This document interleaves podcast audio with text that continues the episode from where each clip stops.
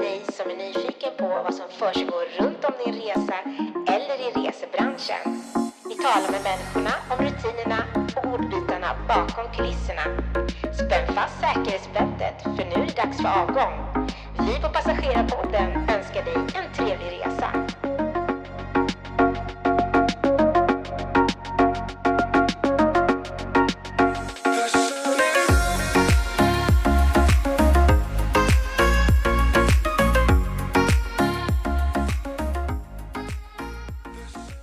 Hej och eh, hjärtligt välkomna till avsnitt två av eh, Markvärdinne avsnittet. I det här avsnittet så har vi ju fortfarande Tilde, våran markvärdinna. Välkommen åter. Tack och hej allihopa. Så den här, det här avsnittet så har vi fått frågor här från våra lyssnare som och även följer oss på Instagram. Ja, har vad fått roligt. skriva frågor. Kan vi köra igång på en gång med frågestunden? Det tycker jag. Varför står det på skyltarna Go to gate när man inte får gå ombord på flyget? Hälsningar Jojje.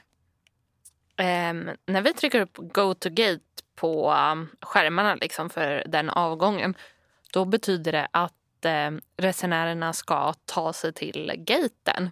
Så det betyder inte att man får gå ombord utan bara att man ja, men ska ta sig till gaten. Gaten är öppnad, någon är där och eh, det är liksom en indikation på att snart är det ombordstigning.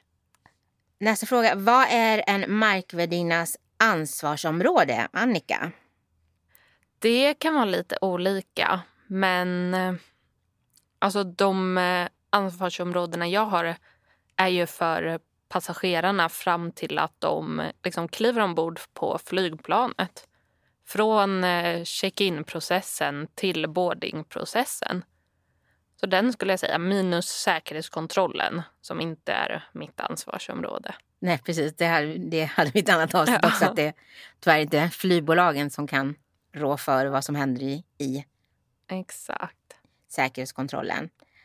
Nästa fråga. Är markvärdinna anställd av ett flygbolag eller flygplatsen? Undrar Olivia. Um, Det kan vara lite olika. Jag vet på att de mindre flygplatserna i Sverige så är, det ofta, då är man ofta anställd av flygplatsen.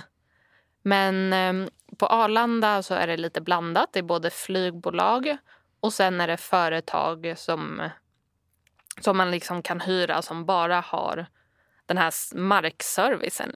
Så antingen är man anställd av eh, ett flygbolag eller ett sånt företag som erbjuder flygbolagen den tjänsten. Nästa fråga. Vad händer med hittegods som hittas ombord på flygplanen? Undrar Mia. Ja, eh, det är städarna, de som städar ombord på flygplanet som tar hand om dem.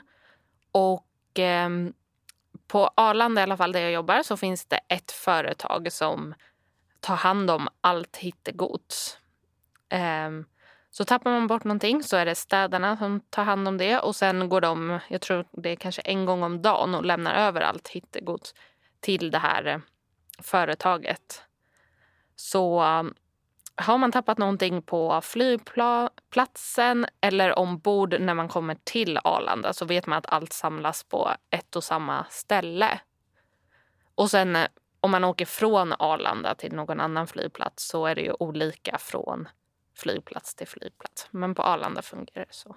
Var hittar man telefonnummer eller kontaktuppgifter till det här eh, företaget som tar hand om hittegodset? Det hittar man på Google. Det heter Bagport. Bagport. Ja. Ja, så Mm. där finns alla kontaktuppgifter. Så då kan man ringa till dem och fråga om de har fått in något av ja, men det man har tappat bort. Så ja. man vet. Men man får väl kanske en datum och flyg man kommer eller när man var på flygplatsen vilken dag. Exakt. Ja, Ge lite mer information ja. om vart det tappades. Hur många människor träffar ni varje dag och vilka länder kommer de flesta ifrån? Undrar Niklas Andersson. Oj. Ja, vi pratade om det här tidigare. Att det är nog alltså, runt tusen personer som man träffar varje dag. Och eh, det är väldigt blandad nationalitet på dem man träffar. eftersom jag jobbar i Sverige så är ju majoriteten svenskar.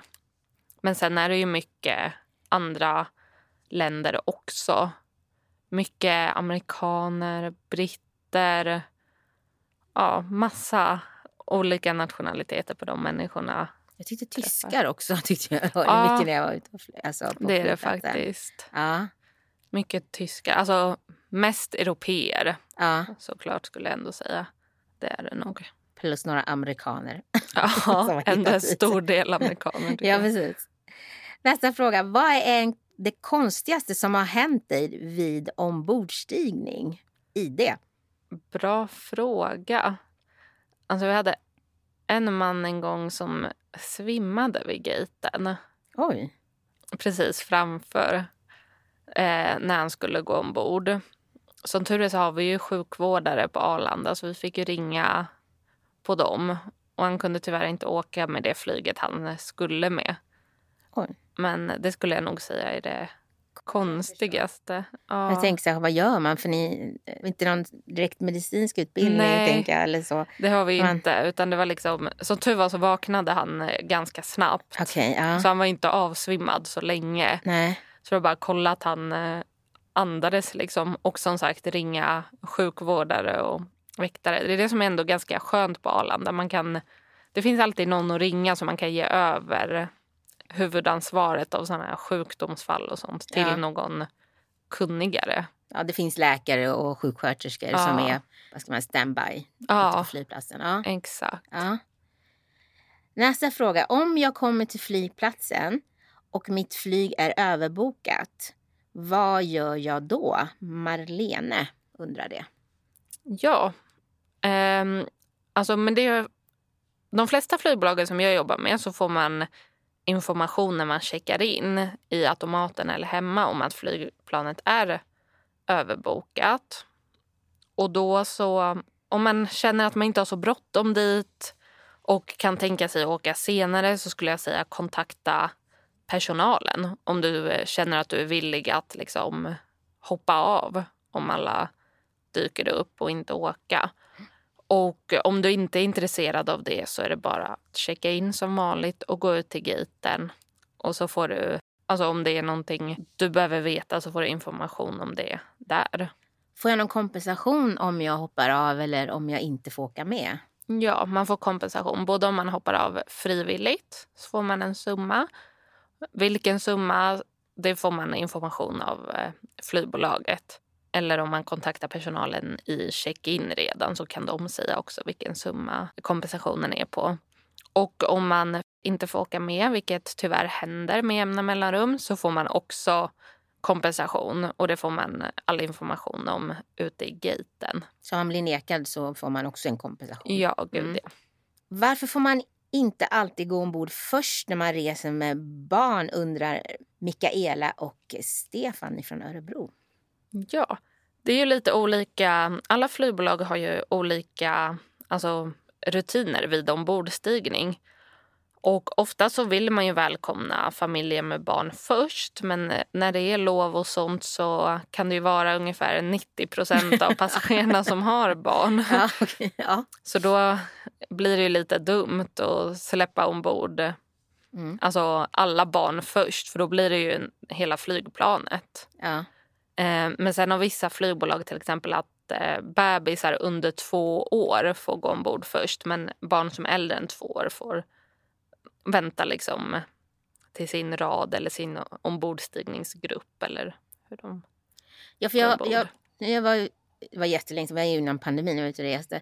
Då så såg jag att man eh, att det var prioritetsboarding på många av flygbolagen. Mm. Och det innebär då med barn eller vad, vad innebär det? Nej, det är inte alltid det innebär med barn. Oftast är det om det är någon businessklass eller eh, om man har eh, om en guldkort inom någon eh, så här flygallians och sånt där.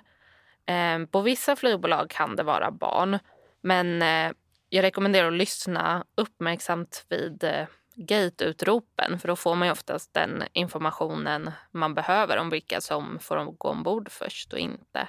Så kort och gott, det är inte alla flygbolag som har att barn får gå ombord först utan det är som vi sa innan, det är olika regler för olika flygbolag. Ja, det stämmer. Så vissa har det och vissa har det inte. Det, det stämmer. Det är bara Och att rätta det- sig efter det. Ja, exakt. Ja. Det hjälper inte att bli arg på personalen i gaten för Nej, de följer de bara Ja, flygbolagets regler. Liksom. De sätter ju inte reglerna. Nej. Eh, vad menas med Schengenområdet undrar Pontus. Schengenområdet, det är ju i Europa. Och det är liksom ett avtal mellan de här länderna. Det har ingenting med EU att göra som många tror. Utan det är ett avtal att man kan röra sig fritt mellan de här länderna utan att behöva visa pass eller id-kort. Och så tror jag att det är någonting att man kan transportera varor och sånt mellan. Men för, Ja. som resenär så innebär det att vi kan liksom röra oss fritt mellan länderna som är med i det här Schengen-avtalet utan att behöva visa pass. Sen Ja. rekommenderar jag ändå att ha med sig passet oavsett. Men eh, det är inga passkontroller man behöver passera. Ja, Jag tror vi pratade om det kanske ett annat avsnitt, men det är helt fel att du, om du är svensk medborgare så kan du inte visa det med ett svenskt körkort. Nej, exakt. Utan det kan du ju bara göra med ditt pass, vilket medborgarskap du har. Precis. Pass eller nationellt id-kort. Ja, precis. Och det frågar man då vilken, kanske på hotell och sånt, vet jag när man har försökt in, vill de ha pass. Så det är väl alltid bra att ha med sig pass eller nationellt ID Ja. ändå. Fast man 100 procent. åker inom Schengenområdet då, det är passlösa. Och det var inte samma sak som EU. Nej, utan det finns flera EU-länder faktiskt som inte är med i Schengenavtalet. Mm. Så finns det länder som inte är med i EU men som är med i Schengen. Schengen. Ja, då har vi gjort det klart. Varför måste man komma till utgången så långt innan planet går? Undrar Toppe 97. Alltså, man ska ju vara vid utgången senast 30 minuter innan planet ska gå. Alltså absolut senast tycker jag. Och det är ju inte så långt innan. Men eh, Nej, det är ju för att eh, få information om ombordstigningsprocessen, om det är någonting som händer. Ibland så erbjuder flygplanet att man kan checka in sitt handbagage vid gaten.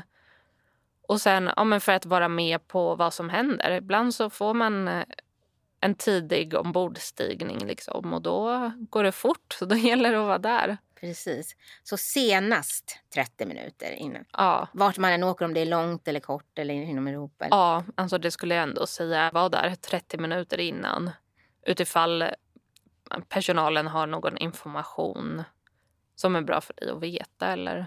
Jag tänker om du ska, för jag har hört att de ropar så här att man ska till, jag vet jag inte, säg USA och då ska man gå dit lite tid för passkontroll. Ja, ska man resa utanför Schengen och behöver passera passkontrollen då skulle jag vara där ännu tidigare. I alla fall gå igenom passkontrollen Ja, typ en timme innan. Ja. För där kan det vara långa köer också. precis. Och det är jobbigt att missa flyget för att man står i kön till passkontroll. Det är ju ingen rolig upplevelse när man har kommit så långt. Nej. Nästa fråga. Hur har och är arbetsklimatet ute på Arlanda med tanke på de långa köerna och upprörda passagerarna? Undrar Jennifer. Ja, alltså det är väl inte toppen arbetsklimat under, alltså framförallt under sommaren och under lov, sådana stora resehögtider. Ehm, det är väldigt stressigt, det är en hög ljudnivå, det är mycket folk, mycket folk som stannar en och har frågor och man hinner inte alltid, man har inte alltid tid att stanna och svara på folks frågor heller och då kan det ju bli upprörda miner. Men jag brukar tänka att det sitter i uniformen så man får vara lite tuff och inte ta någonting personligt. Nej. Utan de ser dig som din uniform. Ja, ja, de flesta gör väl i alla fall det. Ja. Liksom. det sen finns det ju alltid folk överallt som går till personangrepp men det, det, Ja, de som är tur är väldigt få. Mm. Nästa fråga. Jag ska ut och flyga med min syster i höst till Kanarieöarna men jag är jätteflygrädd. Vem ska jag prata med när jag kommer till flygplatsen? Och vad kan du som markvärdinna hjälpa mig med? undrar Karin. Jag skulle säga att det är bra att säga till redan i en check-in-disk om du går dit. Så kan de lägga in en liten not Men eh, checkar du in i automat och lämnar väskan själv så kan du också prata med gatepersonalen. Som markvärdinna då så informerar jag de som jobbar ombord att vi har eh, ja, men en resenär som är lite flygrädd. Så ibland om man vill kan man få gå ombord först. Kanske prata ett ord med kaptenen. Bara känna så att man får liksom en slags trygghet med de som jobbar ombord. Ja. Så uh, bara informera så gör vi vad vi kan för att du ändå ska få en bra upplevelse. Jag tror det är en stress i sig kanske att folk liksom... Du, du sitter ju i metallrör. Ja. Du ser inte vägen, du ser inte var du är på väg och det är någon annan som Exakt. ska köra dig. Ja. Och du ser liksom, det är inte så att du ser, ah, men ah, där 200 meter, nu är vi där liksom. Nej. Utan du ser ju ingenting, du är ju av molnen liksom Ja. i luften. Och det tror jag kan få många liksom att, bara tanken på det, att de, och kanske Mm. lite klaustrofobi också, att det är ja, gud. inte, men nu, de flesta plan nu för tiden är moderna, stora och luftiga liksom. Så det är Mm. inte så. Men, eh, men det jag kan tänka mig att det är det här att man tappar kontrollen. Du har Ja. inte kontroll över vart du är på väg och hur, Ja, hur du gud. kommer dit. Nej, alltså det är jättevanligt att vara flygrädd så skäms inte över det. Säg hellre till. Ja, Liksom, så att eh, ja, men alla som jobbar vet det. precis. Nästa fråga. Är ni ofta stressade på jobbet? Och vad kan jag som passagerare göra när det är stressigt och mycket folk men ser att ingen har tid att hjälpa mig, undrar Sara S. Oj, det är en lite svår fråga. Det är ju ofta stressigt på jobbet, det är det. Um, men eh, alltså, om det är någonting du behöver hjälp med, om du inte kan checka in eller, eller så, då så är det ju klart att du ska prata med någon. Men jag skulle säga ändå så här, vänta på din tur. Liksom. Gå inte och avbryt eh, om det är någon personal som pratar med någon annan och hjälper någon annan. Gå inte och avbryt utan men vänta på din tur. Och var i god tid så du vet att du hinner få den hjälp du behöver innan, alltså utan att bli försenad till ditt flyg. Och hitta rätt person också. Så det är, Ja, den personen jobbar för det flygbolaget som precis. du frågar, ställer frågor till kanske. Exakt. Så får du rätt information. Ja, jättebra idé. Och slutligen har vi en sista fråga här. Vad har ni för arbetstider undrar Sandqvist? Våra arbetstider varierar ju. Vi kan börja från typ 3.30 på morgonen och eh, ja, men då jobba sån här alltså nattpass kan man ju kalla det Jag tänkte faktiskt. säga herregud, då går ju får en del att lägga sig nästan Ja. den tiden. Ja. Det är ju, och sen ibland jobbar vi de här kvällspassen och då kan man ju också jobba till, ja, men typ, jag brukar jobba senast till 11 på kvällarna men det finns ju de som jobbar Ja. Ja. men till 12 eller 1. Sen finns det några som har nattscheman. Är flygplatsen öppet dygnet runt? Det är den. Men Det det. ja, Men det går flyg hela natten? nej det gör det inte. Utan det är mest då flyg som kommer, som landar till Arlanda. På natten? Ja, Ja. Tack så hemskt mycket för att du tog dig tid och svarade på våra lyssnare och ja men tack Instagram. själv. Det var bra Följare. frågor tycker Ja, ja, det, var, det var mycket information. Tack så hemskt mycket. jag. Ja, Och Det tack. var ett lika, alltid lika trevligt att ha dig här. Tack så mycket. Det är jättekul att vara här också. Och du får försöka komma tillbaka i höst, eh, vinter så får vi höra mer information. Ja, det gör jag så gärna. Så. Tack så mycket. Ha det bra. Tack, tack. Hej. Välkommen fram till din destination. Hoppas att du haft en trevlig resa med oss. Vi här på Passagerarpodden vi tackar så hjärtligt för oss och önskar dig varmt välkommen åter till vårt nästa avsnitt.